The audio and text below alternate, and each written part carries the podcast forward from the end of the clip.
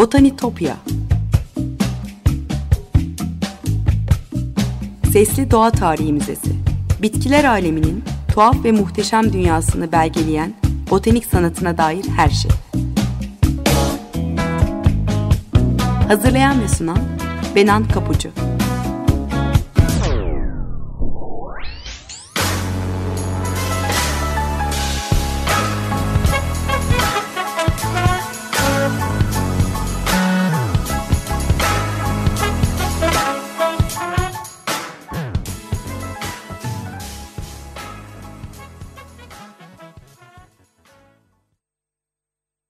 Merhaba sevgili Açık Radyo dinleyicileri.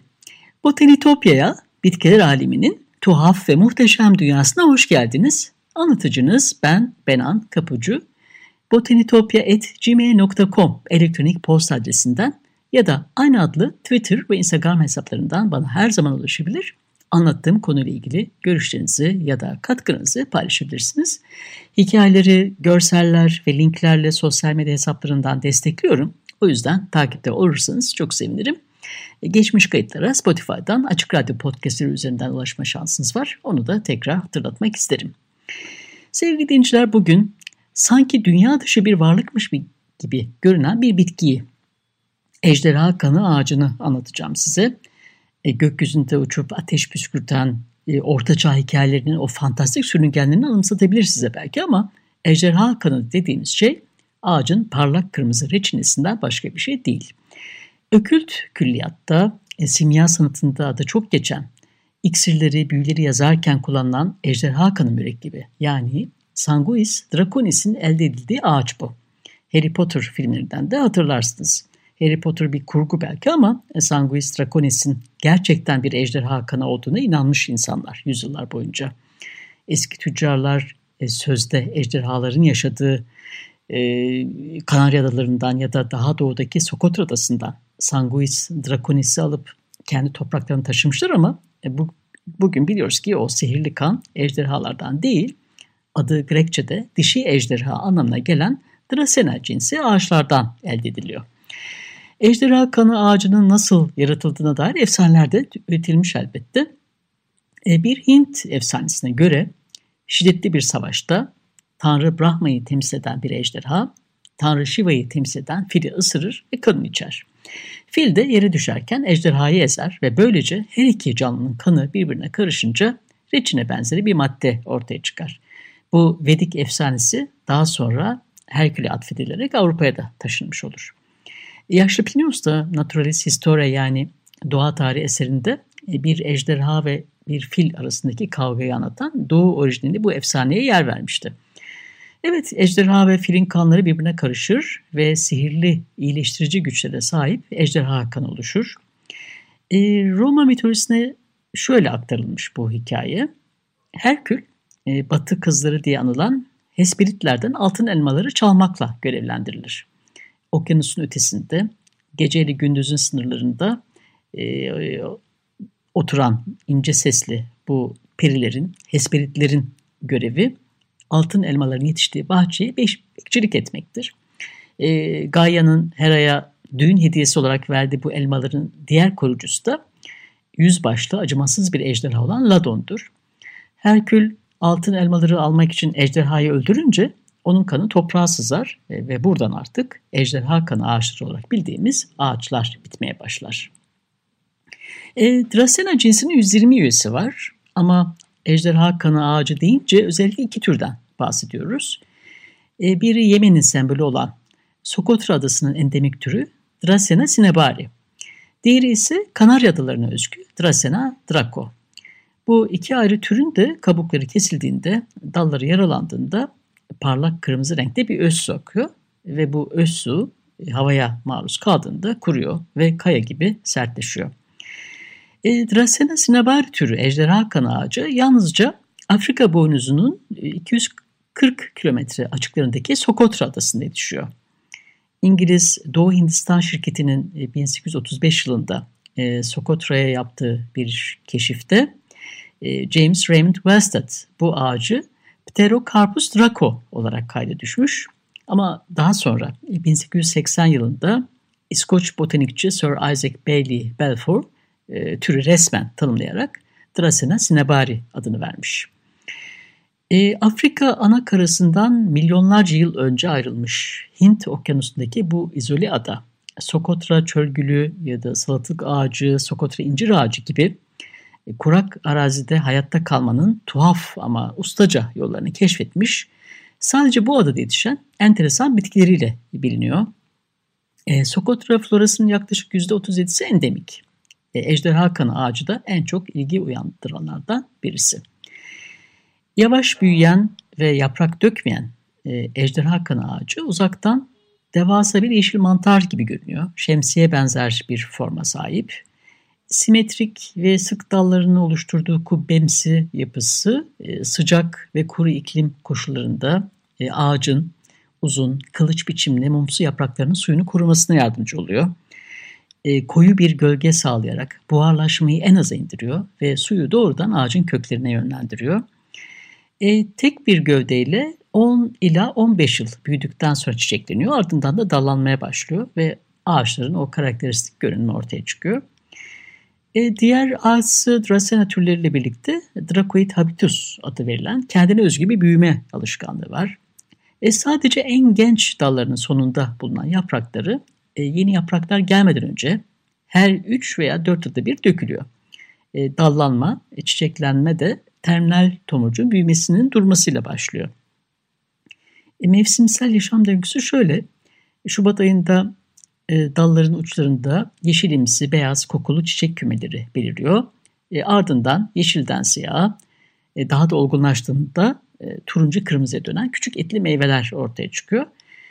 E, bu meyveler onlardan beslenip tohumlarını dağıtan e, Onchognathus türü kuşlar ve diğer hayvanlar için oldukça cezbedici.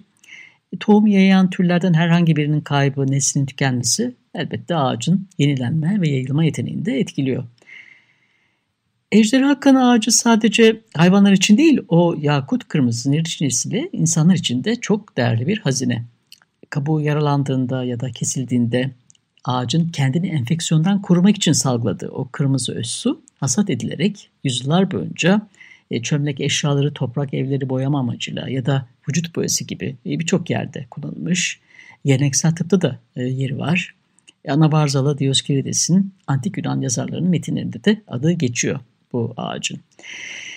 bir zamanlar Sokotra'da yaygın olan Dracena cinnabar türü ejderha kanı ağaçları şimdi esas olarak Hagier dağlarında ve çevresinde ve özellikle adanın ortasında kalan Rokip di Firmihi'nin e, kireç taşı platosu gibi yüksek rakımlarda yetişiyor. E, ağaçların bu sert kayalık topraklarda gelişmesi için belli miktarda yağmur, e, sis ve bulut örtüsü gerekiyor. E, iklim krizi nedeniyle de e, geçen yüzyılda kıyasla bu koşullar çok daha nadir oluşmaya başlamış. E, fideler onları kuraklığa karşı koruyacak çalıkların olmadığı yerlerde e, büyüme şansı bulamıyor. E, ayrıca keçi ve sığırların otlatılması da e, bu ikonik türün yaşam alanını daraltmış. O yüzden artık Dünya Doğa ve Doğal Kaynakları Koruma Birliği'nin tehdit altındaki bitkiler kırmızı listesinde hassas olarak sınıflandırılan türler arasında sayılıyor. E, dünya mirası olarak kabul edilen Sokotra takım adalarının eşsiz flora ve faunası Dünya Doğayı Koruma Vakfı'nın belirlediği e, Global 200 ekolojik bölgeler listesinde yer alıyor. E, bitki çeşitliliği merkezi ve endemik kuş alanlarından biri olarak. Evet burada müzik arası verelim sevgili dinleyiciler. İkinci bölümde Kanarya Adaları'nda yetişen diğer ejderha ağacı türünü Dracena draco'yu anlatacağım. Farinelli filminin şarkılarından biri. Ombra Fedele Anch'io. Soprano Eva Malyas Godlevska'dan dinliyoruz. Merhabalar tekrar. 95.0 Açık Radyo'dasınız. Botanitopya'da ejderha kanı ağaçlarını konuşuyoruz. Sokotra adasına özgü Dracena cinabari türünü anlattım. Ejderha kanı ağaçların diğer türü de Kanarya Adaları, Yeşilburun Adaları ve Madeirya'da.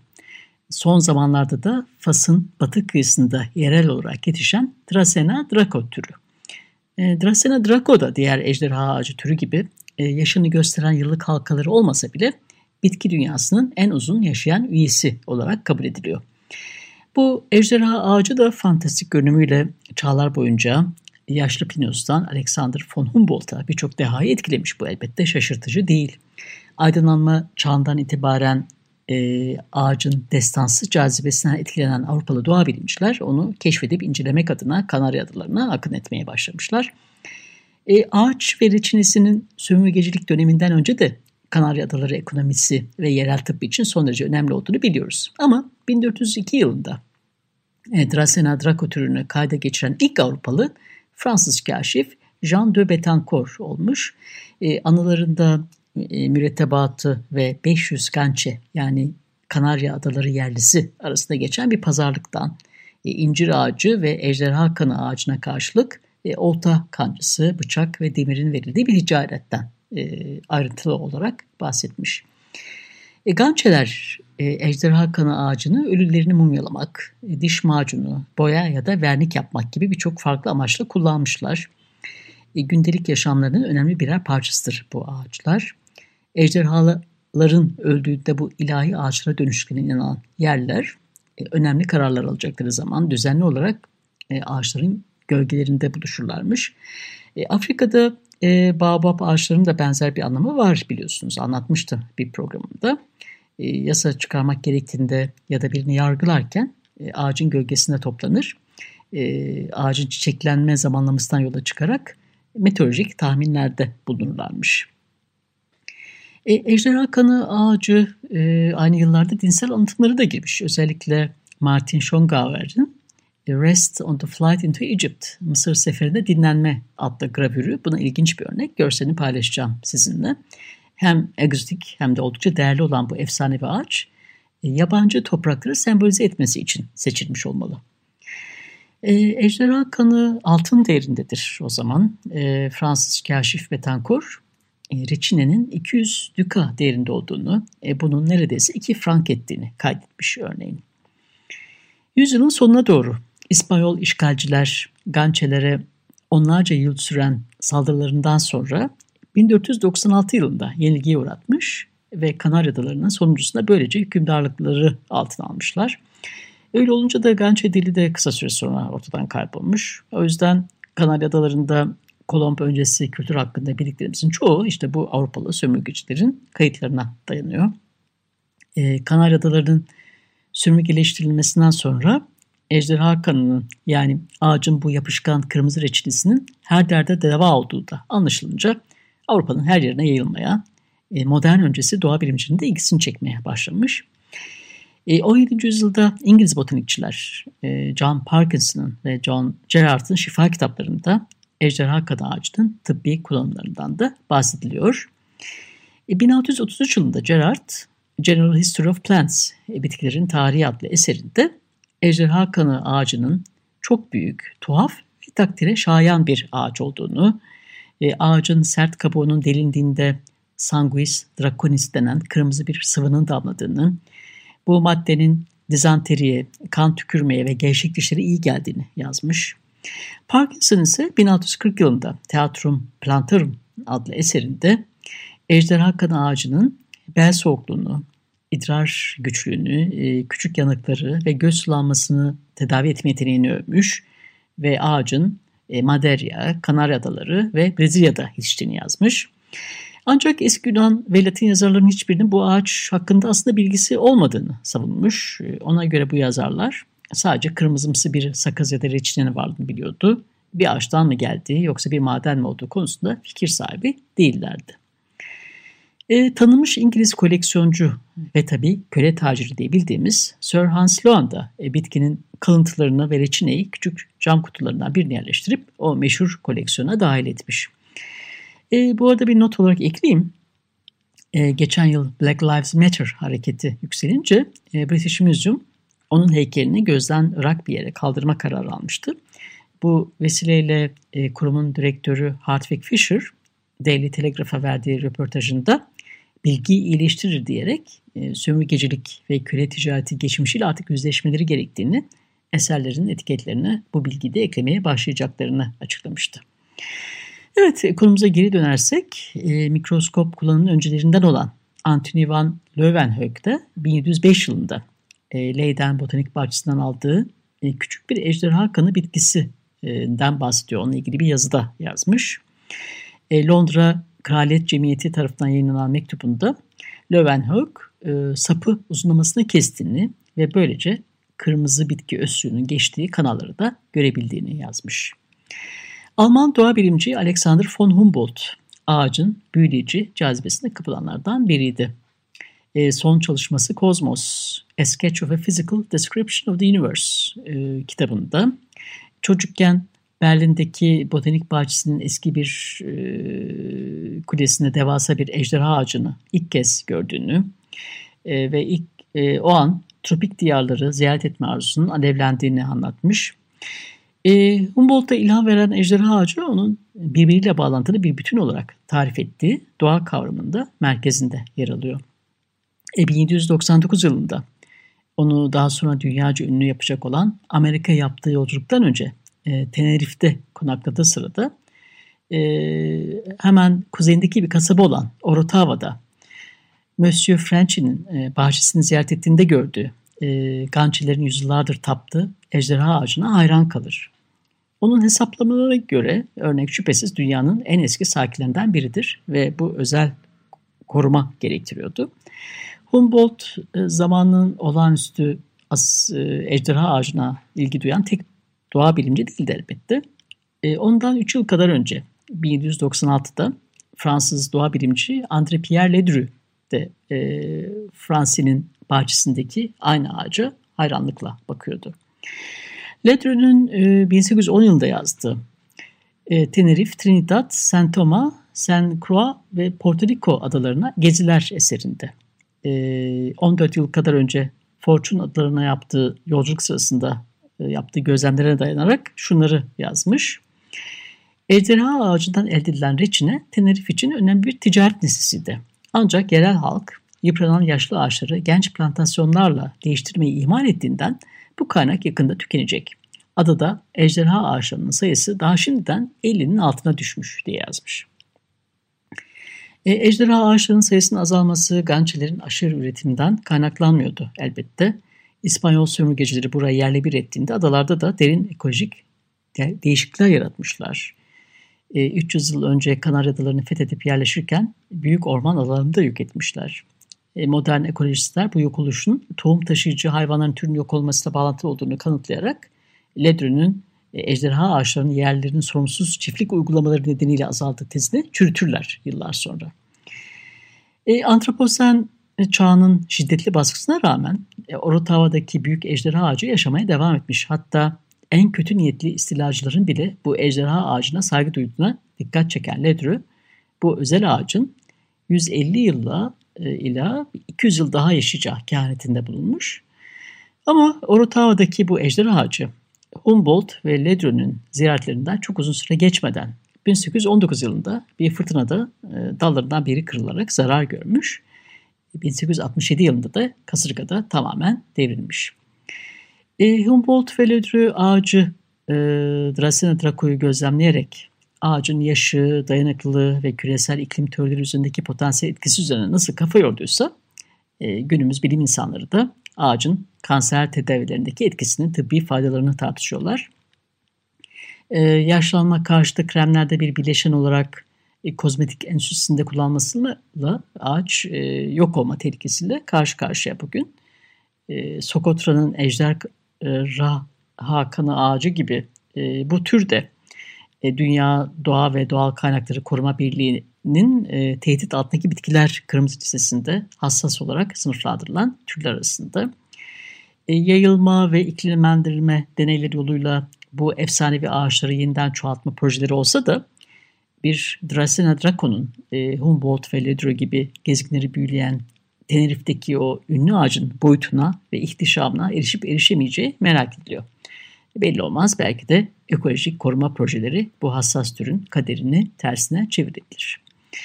Evet sevgili dinleyiciler, Botanitopya'daki keşif yolcumuz bu hafta da buraya kadar olsun. Ejderha kanı ağaçlarını konuştuk. Programı kapatırken sosyal medya hesaplarımda tekrar hatırlatayım. Botanitopya adlı Twitter ve Instagram hesaplarından bana ulaşabilir. Yorumlarınızı ve katkınızı paylaşabilirsiniz. Tüm program destekçilerime de gönülden teşekkürlerimi iletiyorum buradan. Bir daha görüşünceye dek sevgiyle ve duayla kalın.